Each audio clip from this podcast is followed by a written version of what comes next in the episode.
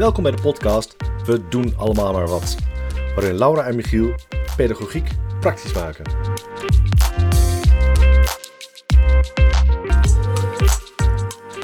Ruzie tussen broer en zus. Dat is vaak een, iets dat voorkomt in een gezin waarbij je als ouder vaak tussen gaat zitten en gaat kijken: oké, wat is hier gebeurd? Jij naar die kamer, jij gaat de andere kant op. Een interessant onderwerp, denk ik, om eens even samen te bespreken. Toch? Laten we dat doen. Mooi. Ruzie. Hoe was het bij jou vroeger? Ehm, Als toen jij jong was. Dat is niet zo lang geleden, dus dat kun je me goed herinneren. ehm, ik had een broer, eh, oudere broer, die was twee jaar ouder. En een zusje, die was vijf jaar jonger. Ja, die heb ik nog steeds. Maar toen we klein waren ook. Mhm. En ehm, eh, ja, wij hadden regelmatig, denk ik, ruzie. Met mijn zusje meer dan, eh, dan met mijn broer. Nou, meer anders, op een andere manier. Maar ehm, ja, we hadden regel- regelmatig ruzie. En dat ging vaak zo, daar hebben we het nu ook nog wel eens over thuis, dat eh, mijn broer dan ehm, op zijn kop kreeg, omdat hij uiteindelijk belandde in, in slaan of nou ja, zo en Lekker sterker fysiek, was. Precies. En, en ik dan geniepige, hè, met- eh, lelijke werken trekken of knijpen of zo. Eh, en dan kreeg hij op zijn kop en dan stond ik achter mijn moeder een eh, hele lelijke bek te trekken naar hem, naar mijn broer. Eh, waardoor hij nog bozer werd. Nou ja, zo dat soort situaties. Ja, maar dat gebeurt volgens mij overal. Want ik merk het zelf van mijn kinderen ook hoor. Dat eh, een van de kinderen zegt, ik krijg altijd de schuld. Mhm. En ik krijg altijd, en, en dan blijkt dus, als je gaat analyseren, dat inderdaad ehm eh, zuslief, die jonger is, ehm, ja, stiekem dingen gedaan heeft. Oh ja. Of eh, inderdaad, eh, zoals de oudste Hugo, die dan ehm, eh, fysiek wordt. Ja, dat is het Dat eerste wat je eigenlijk ziet. Ja, Ja. Dus, ehm, en dan de, de verontwaardiging van, ik heb helemaal niks gedaan. Je moet altijd mij hebben. nou ja. Nou, dat. Ja, en dat we dus zoeken blijkbaar altijd naar de schuldigen, hè?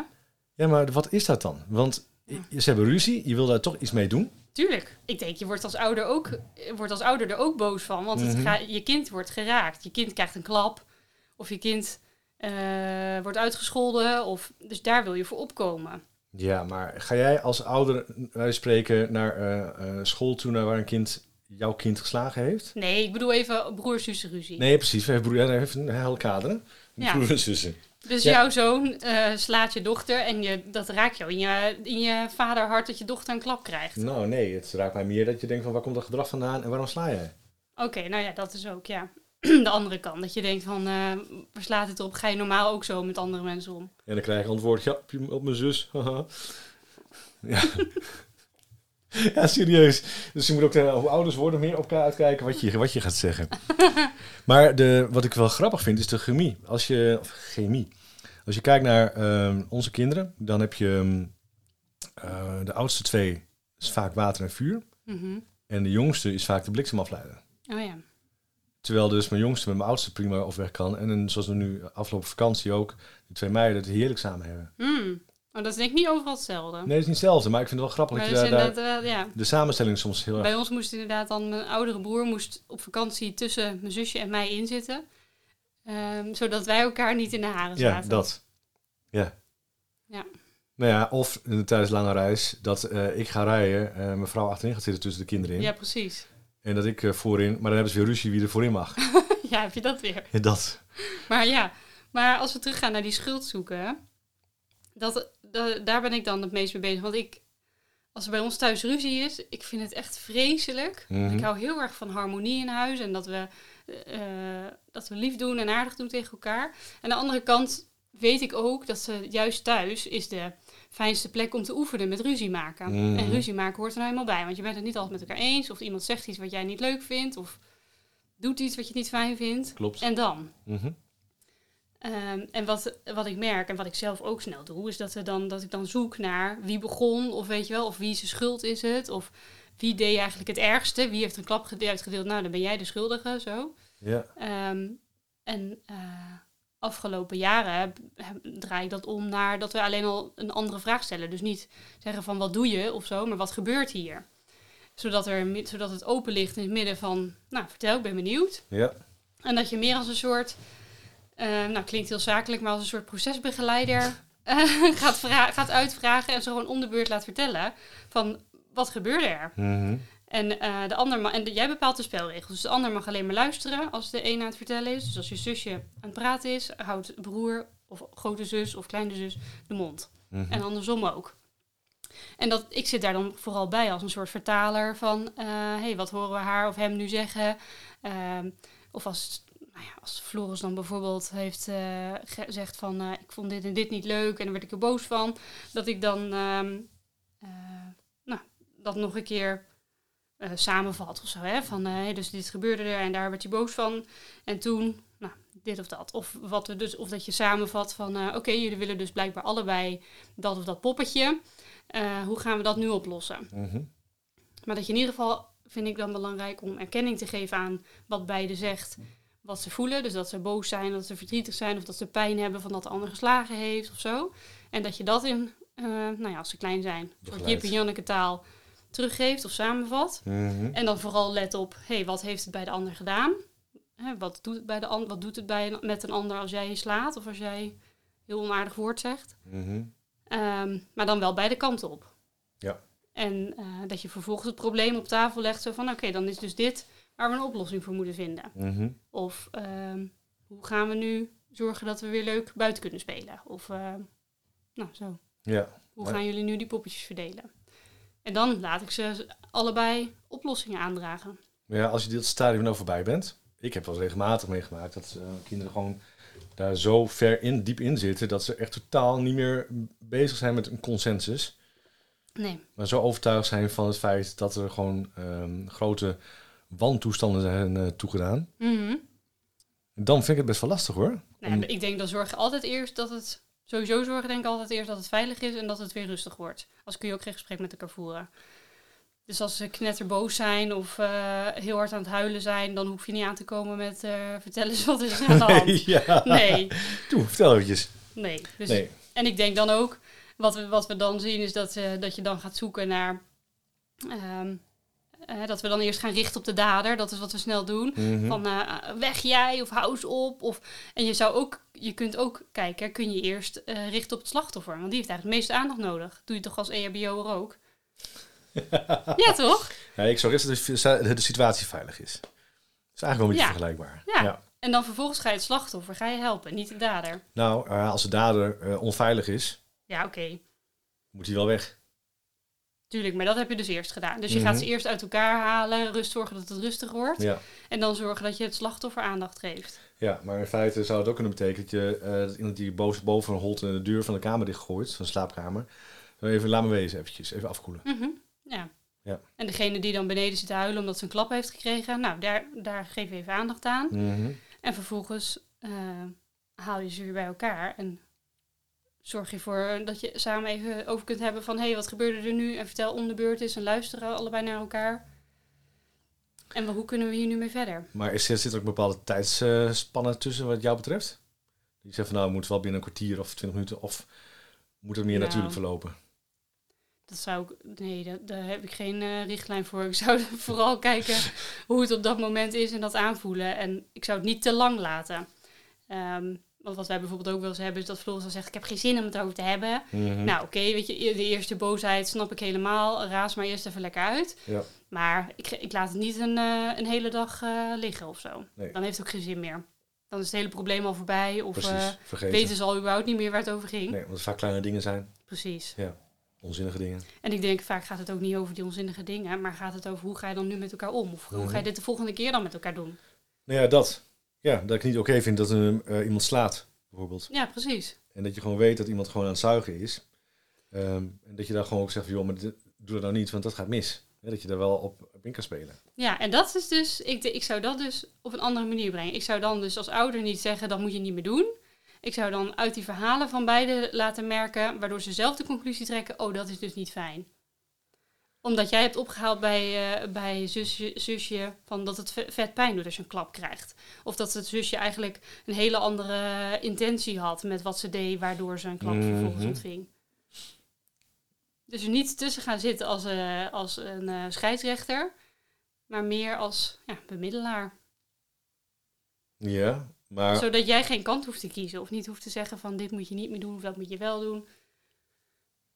Maar goed, een situatie van vorige week. Dat ehm ehm, broerlief aan de overkant van de tafel zit, keukentafel. Ja. En ehm, de zus die heeft, is echt niet te genieten. Mhm. Maar die gaat hem lopen zuigen, want hij is moe. En die gaat echt gewoon eh, echt, echt, echt lopen zuigen. En hoe ziet dat eruit? Flauwe opmerking. Ja, flauw opmerkingen of, eh, of een vriendinnetje hebben. Een beetje zo uit de tent lokken echt. Ja. mhm. Dat. Nou, hoe zou je dat aanpakken dan? Moet ik dan zeggen van... eh, want ik zeg dan, joh, Femke, ga- stop met zuigen, want je weet dat je Hugo irriteert. Mhm. Hoe had ik dat beter kunnen doen dan? Nou, beter. Of anders? Mm. Ja, zou je dat anders kunnen doen? Ik, ik denk, ik, ik doe dat ook, denk ik. Dan zo, hè, dan eh, benoemen van, joh, Hugo is moe en eh, laat hem even. Ehm, je kan ook vragen, Hugo, wat vind je hiervan? Of Hugo, hoe is het met je? Of eh Ja, vind je dit vervelend? Eh, zodat Precies. hij het zelf kan zeggen. Ja, ik word hier echt helemaal uh, scheidzat van. Of Mhm. misschien doet het hem niks en vul jij hem- iets voor hem in. Ja, dat is wel interessant. Dus dat je niet zozeer op de, degene die aansticht gaat zitten, maar juist ook op degene. Het is eigenlijk het ver- verhaal waar je mee begon.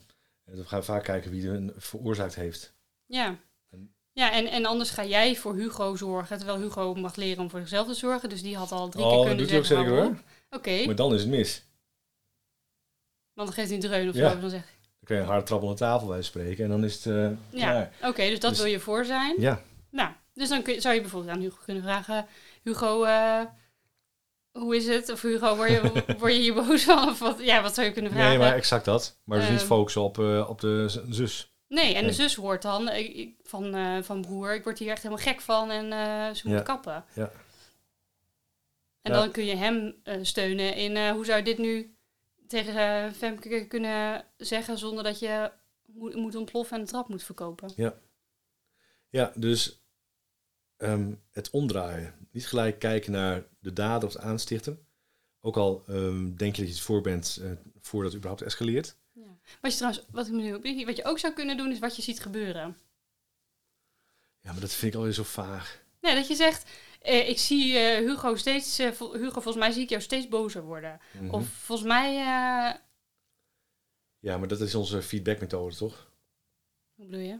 Nou, ik zie dat je boos wordt. Ja. Ehm, en volgens mij vind je dat niet fijn. Dus, Nou, oh ja, oké, dat kan. Maar je zou ook kunnen tegen Femke kunnen zeggen, volgens mij zie ik Hugo, volgens mij vindt Hugo dit niet leuk. Of kijk eens naar Hugo's hoofd, vindt hij dit leuk? Wordt hij er blij van? Ja, nou, ik vind jouw eerste oplossing nog wel beter eigenlijk. Oké. Ja. Maar het zou kunnen. En het benoemen van, hè, wat je ziet. ja, Dat is eh, eh, vrij objectief. Dan ga je niet veroordelen, maar ga je wel zeggen van... hé, hey, ik zie dit. ja, Ik zie eh, dit gebeuren. Ik zie jou dit doen. Ja. Is het handig. Maar op zich, wat jij als eerst zei, dat zou ik ook, zou ik ook niet, vind ik ook niet verkeerd hoor. Dat je ook zou kunnen zeggen, joh, je weet wat er gebeurt, Hugo vindt dit Mhm. vervelend, eh, straks krijg jij een klap. Hè? Dus dat je eigenlijk al een soort van oorzaak-gevolg... Scenario, precies. Ja, aan de andere kant is het ook een beetje angst creëren, maar ja, Ja, je Nou. krijgt een schop. Je gaat huilen. Dat. ja, precies. Ja, dit wordt, wel eens, dit wordt weer kartjespeel. Ja. Maar broers en zussen inderdaad gewoon... Ja, het is ook een leren. Dat is, en dat vind ik het mooie juist van thuis, dat het thuis gebeurt. ja, Dat je daar ook gewoon eh, vanuit die veilige omgeving kan doen. Dat je gewoon ehm, kinderen ook bewust kan laten worden. Wat het doet als je iemand eh, ruzie maakt. Maar ook Ja. ehm, dat ze wel gehoord worden. En dat je het zelf ook in kan schatten van welke consequenties het heeft. ja. Ik denk dat dat een van de dingen is die ons als ouder dan heel erg helpen om dat te beseffen. Dan, oh ja, het is ook, er zit ook iets goeds in, in ruzie maken. Dus dat je niet gelijk eh, uit de pan hoeft te flippen als je kinderen weer eh, boven elkaar eh, zitten. Exact. Of elkaar in de haren vliegen. Ja, dat er, er zit een hele grote leerschool in en die mag je begeleiden. Ja. Maar daar hoef je niet als een scheidsrechter of politieagent bovenop te springen. En ook dit, hierbij geldt dan weer natuurlijk, net zoals de- onze podcast laatst over straffen. Mhm. Dat je eerst ook naar jezelf gewoon even, ehm, even in moet houden. Zeker. En niet gelijk tussen gaat hangen, want we weten allemaal hoe druk iedereen het heeft en de hectiek. Het gebeurt altijd op momenten waar jij niet op zit te wachten als ouder. Oh ja. En dat is juist versterkt het ook natuurlijk. Mhm. Zo daarin moet je zelf natuurlijk ook zorgen dat je even zelf diep adem Oh zeker. Dat, dat merk ik ook. Als ik, eh, dat merk ik ook. Als- ja, als ik moe ben en de kinderen vliegen elkaar in de haren, dan eh, heb ik ook meer zin om te zeggen van eh, hou op en ga naar je kamer. Of nou zo. Ja. laat elkaar met rust.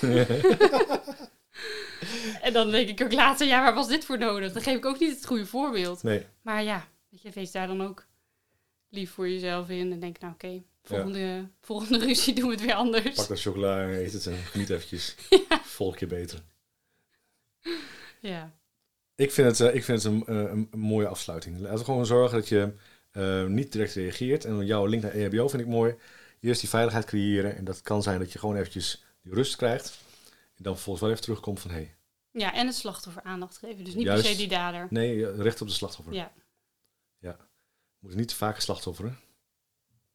Dan krijg je ook weer zo'n sociaal gewenst... Nee, je hoeft het ook niet. Maar als iemand huilt of zo, dan, dat je, dat je die een hè? knuffel geeft. En dat je... Ehm, nou, dat is ook wel een interessante podcast om het over te hebben. Want is dat eigenlijk wel zo? maar goed. Daar even op terugkomend. Want eh, wat bedoel je nou eigenlijk precies? Ja, dader en slachtoffer. Ik zit ineens te denken, moeten we het wel hebben over dader en slachtoffer? Want wie, is, wie bepaalt wie de dader was en wie het slachtoffer is? Mhm. Ben je dan het slachtoffer als je helpt? En ben je de dader als je een klap gegeven hebt? Misschien diegene die helpt, hè? Als je bijvoorbeeld kijkt naar het voorval bij jou aan tafel. eh, Femke begon met vervelende opmerkingen. Mhm. Tenminste, dat is wat we gezien hebben, wat je gezien hebt. Dat weet je natuurlijk ook niet. Misschien Ja. is er ook wel wezen aan vooraf gegaan. Mhm. Dus is zij misschien niet de dader? En daarnaast denk ik, moeten we überhaupt wel willen zoeken naar dader en slachtoffer? Ze zijn, hebben allebei, hè, want Hugo is ook slachtoffer en Hugo is ook dader. Dus ze hebben het allebei in zich. Ja, dus allebei zijn ze dus slachtoffer en dader. Ja. En ze verdienen ook eigenlijk allebei aandacht. Ja. Want als je een klap hebt gegeven, voel je je onmachtig en dan geef je maar een klap. Mhm. Je wil dat het stopt. En dat onmachtige gevoel, dat is ook knap ellendig. En Ja. hoe je daarmee om moet gaan. En dat je een klap hebt gegeven. En Dus in feite gaat het niet zozeer om te zoeken naar het slachtoffer en wat er gebeurd is en dat helder te krijgen, maar juist ook om allebei van waarom reageer je zo? ja, precies. Dat bracht je zover. Dus zoek überhaupt niet naar de dader en het slachtoffer. Nee, Nee. oh, zijn nog een kwartier bezig over een slachtoffer. Nee, maar het is wel een hele belangrijke. Dat je dat, daar, daarmee bezig gaat. Want ook het kind wat helpt kan inderdaad een dader zijn. Ja. Maar de pijn hebben omdat ze geslagen is, omdat ze een reactie uitgelokt heeft. Ja.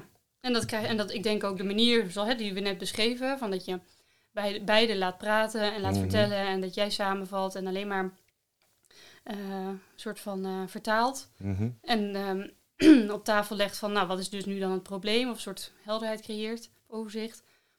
Daarin ben je ook niet op zoek naar een, naar een dader en slachtoffer. Dus dat blijft overeind. Ja. Ehm, maar wat ik noemde over dader en slachtoffer, dat trek ik terug. Maar het is wel, ik denk wel, doordat wij nu die overdenking even zo hadden. Gaan we een nieuwe podcast opnemen? Nee. Nee, nee, maar het is goed dat- om er dat- bewust van te worden. Ja, precies Dat. dat. Ja. Kun je nagaan. Ook wij gaan dingen leren.